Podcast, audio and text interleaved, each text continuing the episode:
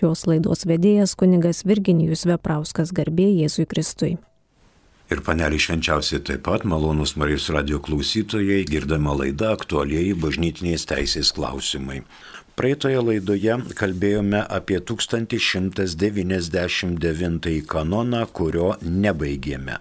Jis turi du paragrafus. Pirmas - priesaika. Tai yra Dievo vardo šaukimasis tiesai paliudyti gali būti duodama tik laikantis tiesos, išminties ir teisingumo. Antrasis - kanonų reikalaujamos ar leidžiamos priesaikos neįmanoma galiojamai duoti per įgaliotinį. Ateina keletas iliustracijų. Tai yra dėl priesaigos 471 kanonas. Visi priimti pareigoms kūrijoje privalo pažadėti ištikimai vykdyti pareigas teisės arba vyskupo nustatytų būdu. Išlaikyti paslapti, nepažeisdami teisės arba vyskupo nustatytų ribų ir būdo. Tai va paslapti laikyti reikia kurijos darbuotojam. Kitas kanonas 833. Asmeniškai atlikti tikėjimo išpažinimą pagal apaštalų sostų patvirtintą formulę yra įpareigojami. Pirma. Pirmininko ar jo delegato akivaizdoje visi dalyvaujantys visuotinėme ar dalinėme susirinkime. Vyskupų sinode bei vyskupijos sinode tiek sprendžiamojo, tiek patariamojo balso teisę. O pirmininkas susirinkimo ar sinodo akivaizdoje. Pakeltieji į kardinolus pagal Šventojios kolegijos statutus, apaštalo sosto delegu, delegatų akivaizdoje visi pakelti į vyskupus bei palyginamieji, prilyginamieji dieceziniam vyskupui.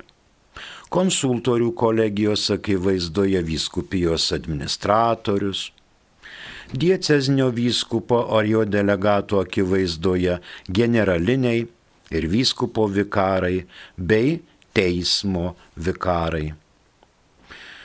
Vietos ordinaro arba jo delegato akivaizdoje klebonai, rektorius, teologijos ir filosofijos dėstytojai seminarijose, pradedami eit, pradėdami eiti pareigas, šventintini diekonais. Didžiojo kanclerio arba jo nesant vietos ordinaro ar jų delegatų akivaizdoje bažnytinio ar katalikiškojo universiteto rektorius, pradėdamas eiti pareigas, rektorius, jei yra kunigas, arba vietos ordinaro ar jų delegatų akivaizdoje dėstytojai, tuose universitetuose dėstantys su tikėjimu ir dora susijusias disciplinas, pradėdami eiti pareigas. Na ir vienuolinių institutų ir dvasininkų paštališko gyvenimo draugijų vyresnieji pagal konstitucijų normą. Tai va, prisiekia šitie išvardinti asmenys, kad eis atitinkamas pareigas dorai ir sąžiningai. Na ir 1283 mums rūpi pirmas, bet galim paskaityti ir visus. Prieš administratoriams pradedant eiti savo pareigas, privalo prisiekti ordinaro ar jo delegato akivaizdoje, kad gerai ištik ir ištikimai administruos. Jiems pasirašyti turi būti parengtos, parengtas tikslus, ir detalus nekilnojamųjų ir kilnojamųjų daiktų, tiek brangių, tiek vienai par kitai priklausančių kultūros vertybėms, tiek kitų daiktų inventorius su jų aprašu ir įvertinimu ir parengtas turi būti patikrintas. Vienas egzempliorius inventoriaus turi būti saugomas administracijos, o kitas kūrijos archyve. Abiejose egzemplioriuose turi būti pažymėti bet kokio turto pokyčiai. Tai vėl dalykai susiję su priesaikomis.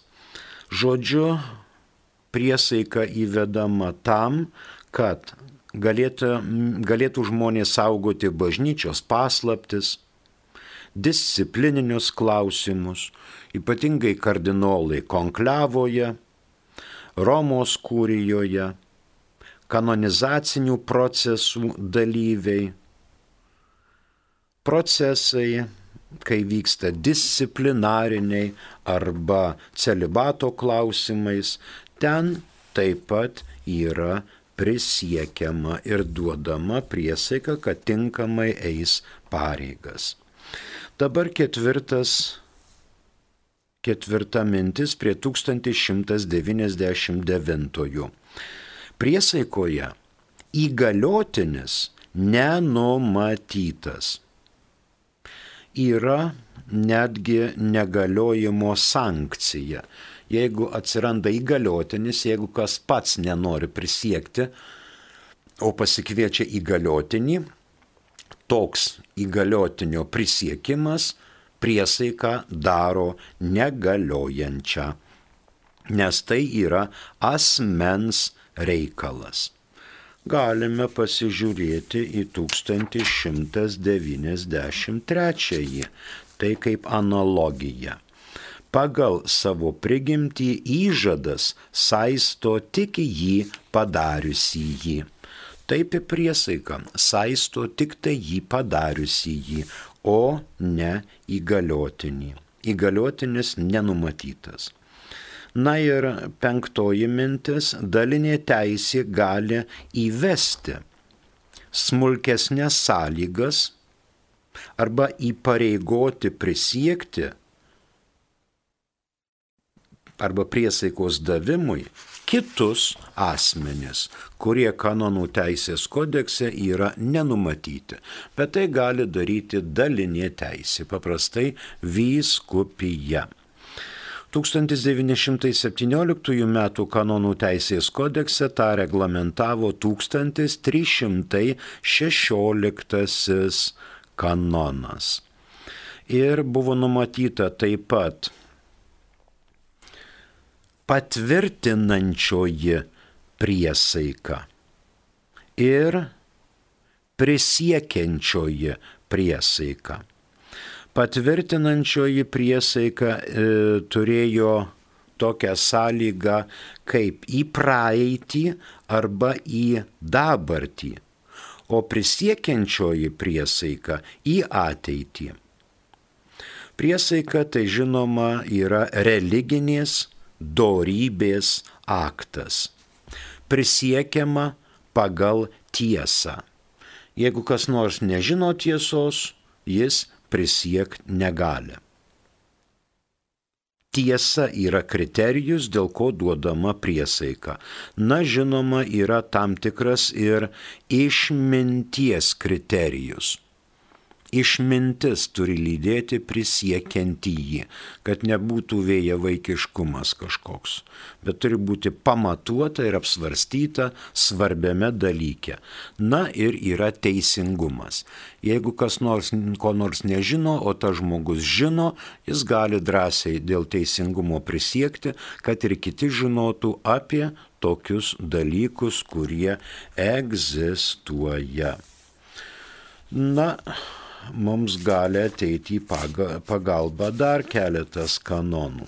Tai 1283, kurį jau girdėjome, pirmas paragrafas, prieš administratoriams pradedant eiti savo pareigas, jie privalo prisiekti ordinaro ar jo delegato akivaizdoje, kad gerai ir ištikimai administruos.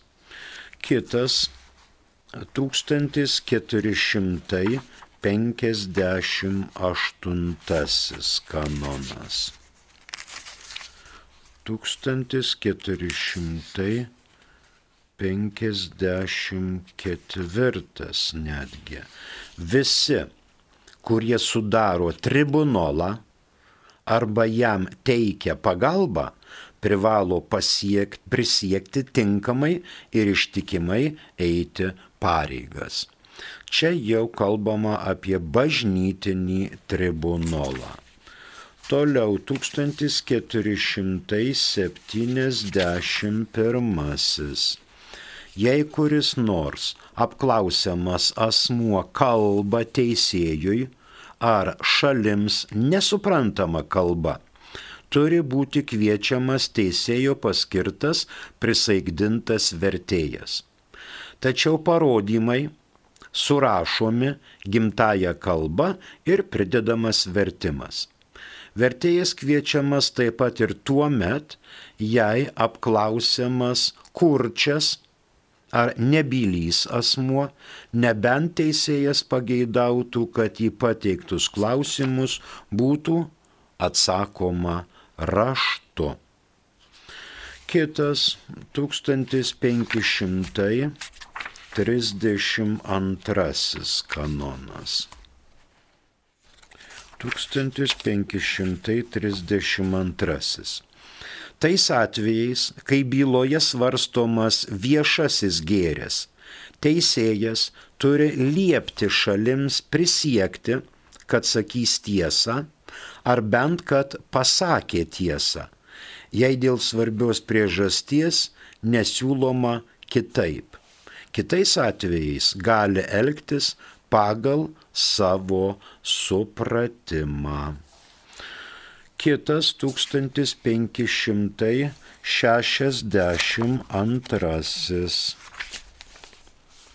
Teisėjas turi priimti liudininkui svarbę pareigą sakyti visą tiesą ir vien tik tiesą. Teisėjas turi liepti liudininkui prisiekti. Jei liudininkas atsisako tai daryti, turi būti apklausomas neprisiekęs.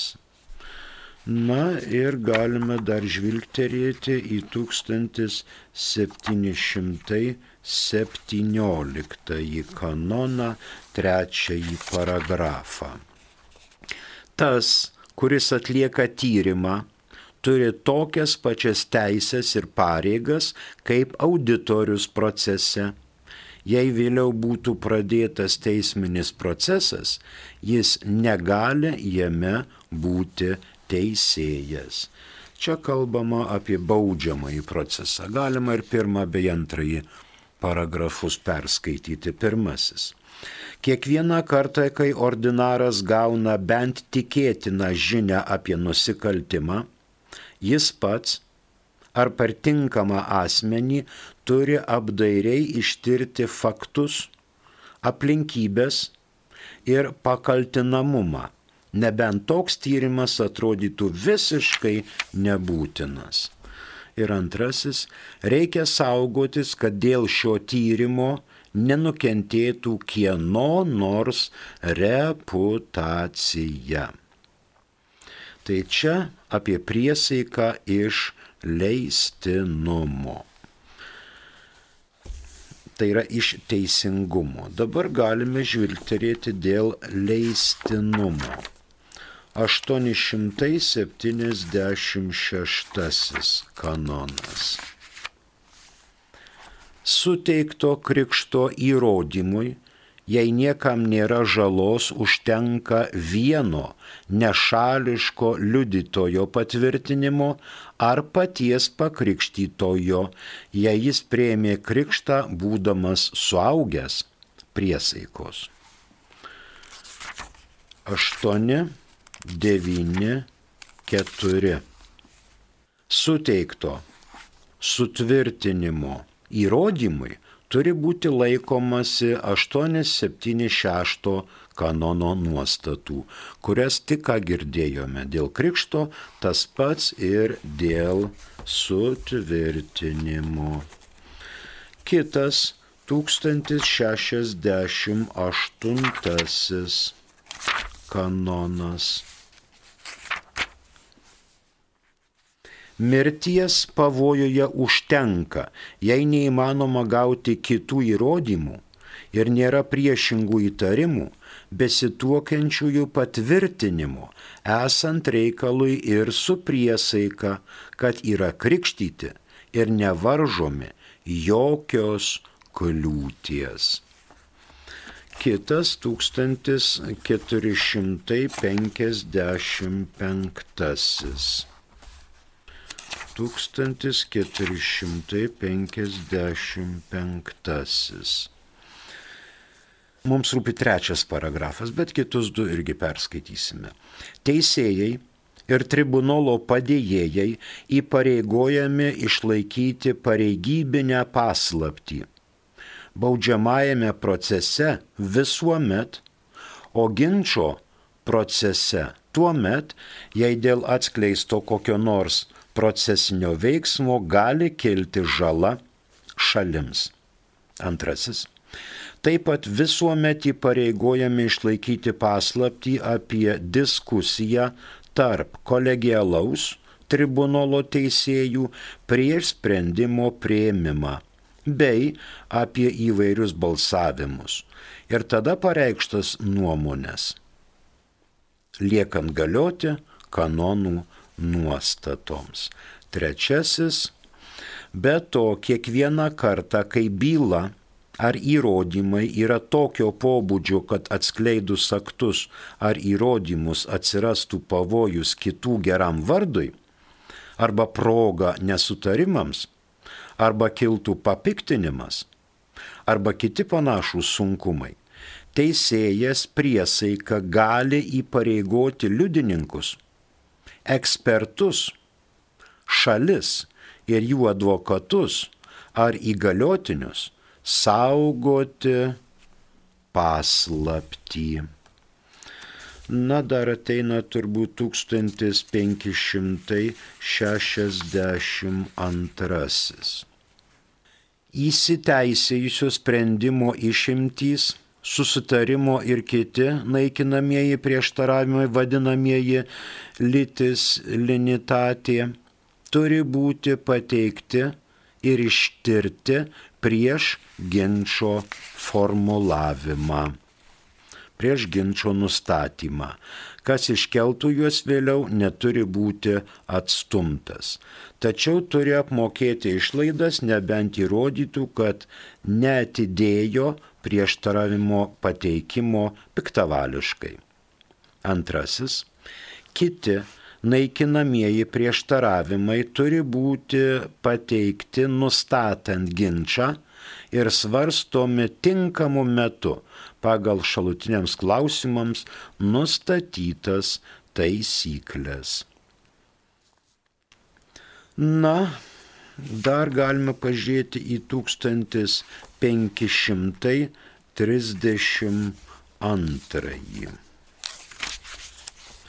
1532. Tais atvejais, kai byloje svarstomas viešasis gėris, teisėjas turi liepti šalims prisiekti, kad sakys tiesą.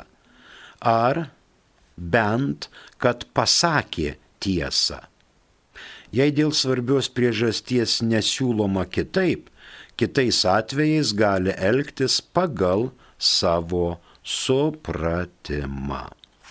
Na, čia dar galima cituoti ir cituoti apie priesaiko svarbą bažnytiniuose procesuose, bet turbūt jau su šituo ir baigsime, sakydami, kad 1199 atitikmuo rytų kanonuose yra 895. Priesaiką pasiaiškinome, du paragrafai fiksuojame. Priesaika tai yra Dievo vardo šaukimasis, tiesai paliūdyti, gali būti duodama tik laikantis. Tiesos, išminties ir teisingumo. Antrasis paragrafas - kanonų reikalaujamos ar leidžiamos priesaikos neįmanoma galiojamai duoti per įgaliotinį. Tai šitą baigėme, primenu, kad girdite Marijos radio bangomis laidą aktualiai bažnytinės teisės klausimai. O mes eikime prie kito, prie 1200-ojo turi jis du paragrafus. Pirmasis. Tas, kuris laisvai prisiekia, ką nors padarysęs, turi ypatingą religijos pareigą - įvykdyti tai, ką buvo patvirtinęs priesaika. Antrasis paragrafas - apgaulę, prievartą, ar didelę baimę išgauta priesaika pagal pačią teisę yra niekinė. 1191 gali ateiti į pagalbą dėl priesaikos kaip ir dėl įžado. Įžadas tai yra sąmoningas ir laisvas Dievui duotas pažadas siekti galimo ir didesnio gėrio. Privalo būti įvykdytas dėl religijos dorybės. Taip ir su priesaika.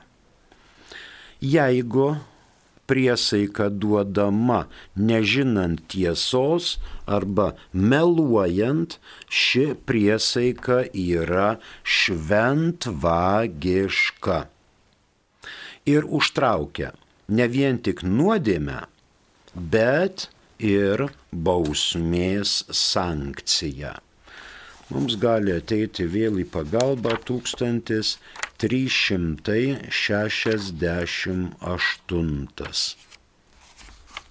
kanonas. Jei kas nors teikdamas ar pažadėdamas ką nors bažnytinės valdžios akivaizdoje melagingai prisiekia, turi būti baudžiamas teisinga bausme. Štai ir yra sankcija. Priesaika yra asmens įsipareigojimas tretiesiems asmenims, bet žinoma tai ne įžadas, tai yra įsipareigojimas tiesai. Čia antra mintis. E, mus pasiekė esame žinutė, prašom. Per pamokslą kunigas sakė, kad naivu manyti, kad Dievui reikia mūsų garbinimu. Tai kodėl per Marijos radiją ar per adoraciją vien garbė troškinės giesmės, šlovinimai ir ditirambai labai panašus į visų tautų tėvo laikus, kada jis sakydavo, jog netrokšta būti ikona, o tikinti juo liaudis liaupsės himnus gėdodavo. Visų tautų ir visų laikų genijus Tai buvo toksai. Ir turbūt dabar matome įpėdinius. O per pamokslą kunigas neturėjo teisės taip sakyti, kad Dievui reikia mūsų garbinimo. Ta prasme, kad Dievui mūsų garbinimas nieko neduoda, nieko neprideda, Dievas, kaip minėjau, yra grinas aktas. Jam nei ko nors pridėsi, nei ko nors atimsi. Tai jam šiuo požiūriu tikrai jokios garbės nereikia. Bet žmogui reikia teikti garbę savo kūrėjui. Dievas yra kūrėjas, žmogus yra kūrinys. Vat iš šito santykio tai žmogus teikia garbę Dievui ir pelno savo išganimą. Ačiū. Dar kitas turbūt yra klausimas, prašau. Sveiki, ar anuliuoti santokai būtina turėti liudytojus, kurių sudėtinga rasti? Taip, Čia sudėtinga. Matot, vyras davė priesaiką prie altoriaus, kunigo ir dviejų liudininkų akivaizdoje moteriai. Moteris prie to paties altoriaus tuo pačiu metu, apieigų metu, duoda priesaiką vyrui, kunigų akivaizdoje ir tų pačių dviejų liudininkų akivaizdoje, kurie surašo savo parašais pavardėm vardais, kad jie yra liudytojai, kad jie girdėjo šią priesaiką ir ją savo parašų tvirtina. Ta priešsaiką savo parašų tvirtina ir kunigas, diakonas ar vyskupas, kuris asistavo santuokai. Tvirtina, kad ši priesaika buvo Ir dabar gyvenimo kelyje atsitinka taip, kad žmonės įsiskiria. Vienas tvirtina vieną, kitas tvirtina kitą.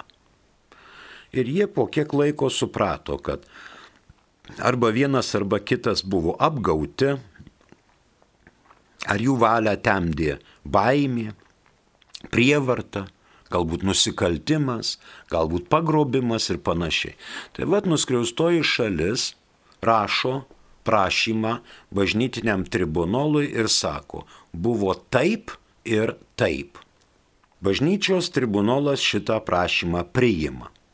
Pasiunčia anai šaliai, kad ana šalis kita arba patvirtintų, arba paneigtų tuos kaltinimus, nes priesaika kol kas abiem galioja nebūtina rasti tų dviejų, kurie pasirašė, galbūt jau jie yra ir numirę.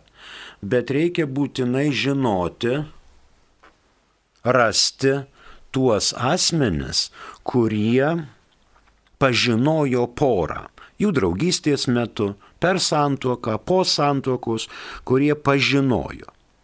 Ir šitie liudininkai minimum du, o geriau būtų trys, liudyja tribunolę apie padėtį, kaip šeima draugavo, kaip gyveno, kokie buvo pirmieji šeimos žingsniai, kas buvo atsakingas už kasą, ar turėjo abu du darbus, gal kurią nors šalį tėvai lepino, neleido dirbti, e, pupuliukų vadino, kad va būtų. Ir paskui šeimos gyvenime tai dar ta bambagislė nuo tėvų nenutraukta ir jinai daro žalą tai būtinai reikia dar minimum dviejų liudytojų kurie būtų apklausinėjami tribunolo po priesaiką ir duotų tokius paliudinimus, kurie, e, kurie šalims yra žinomi, kurie liudininkams yra žinomi.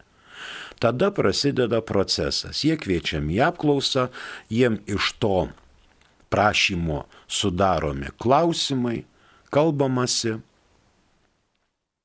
fiksuojama, duodama perskaityti liudininkui, ar daugiau nieko nenori pridėti, gal dar kokią svarbę detalę e, pražiūrėjome, gal liudininkas nori pasakyti ir taip toliau.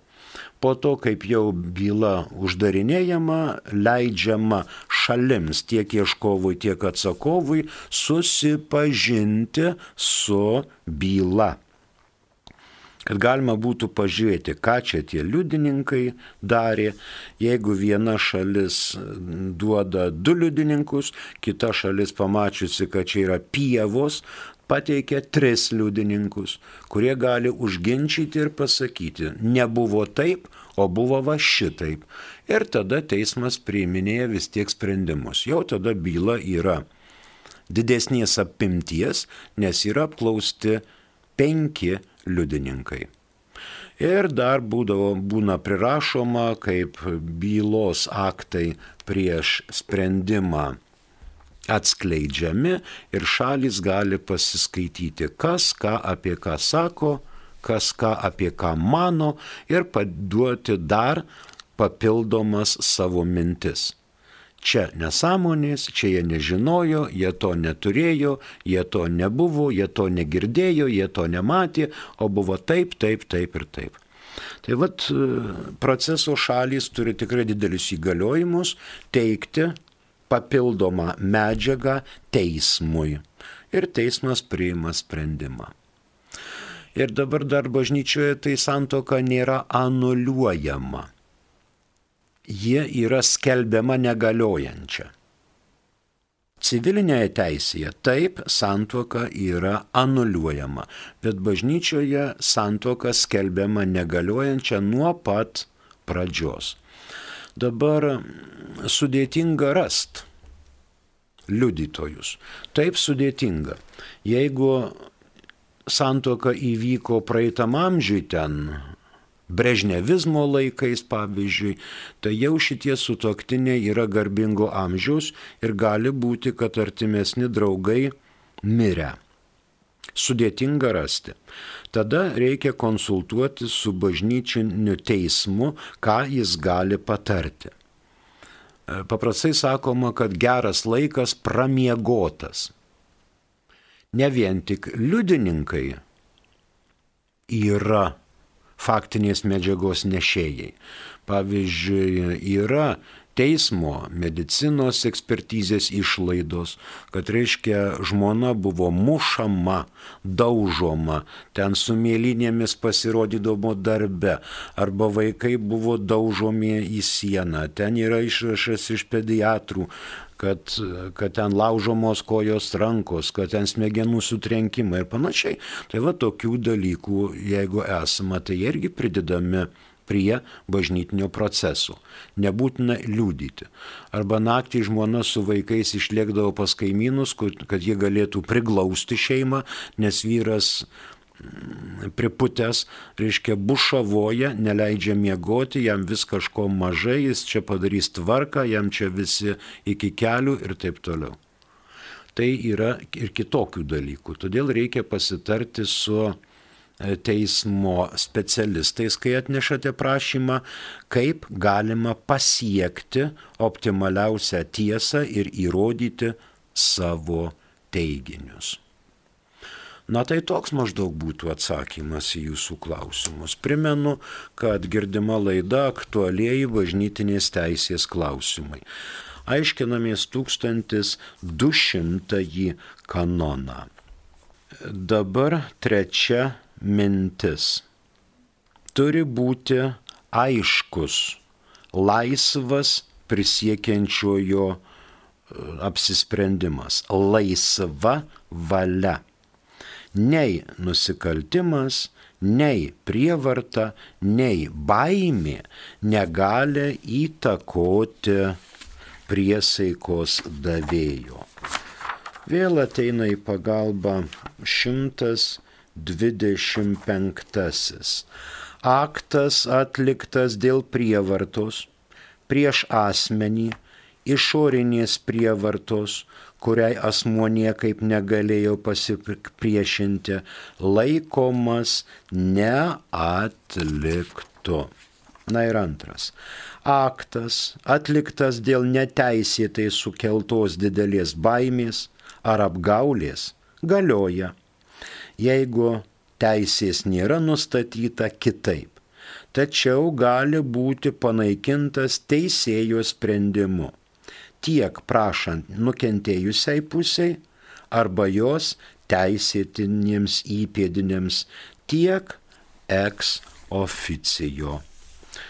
Ir dar 1191 trečias analogija su įžadu. Įžadas padarytas dėl didelės ir neteisingos baimės ar apgaulės yra niekinis pagal pačią teisę. 1917 m. kanonų teisės kodekse tą reglamentavo 1317. Ir toje redakcijoje prievartos įtakoje padaryta priesaika galiojo, tačiau ją galėjo bažnytinis vyresnysis dispensuoti. Čia dėl priesaikos ką nors padaryti. Ką nors padarysęs, reiškia mintis, vektorius į ateitį. Rytų kanonuose 1200 mes atitikmens nerandame. Jį ir fiksuojame. Du paragrafai. Pirmas. Tas, kuris laisvai prisiekia, ką nors padarysęs, turi ypatingą religijos pareigą įvykdyti tai, ką buvo patvirtinęs priesaika. Antrasis - apgaulę, prievartą ar didelę baimę išgauta priesaika pagal pačią teisę yra niekinė. Na tai tada turbūt ir pabaigsime. 1200 pirmojo nepradėsime, tas liks mūsų kitoms laidoms. Ačiū už klausimus, ačiū už dėmesį ir iki kitų susitikimų. Garbė Jėzui Kristui.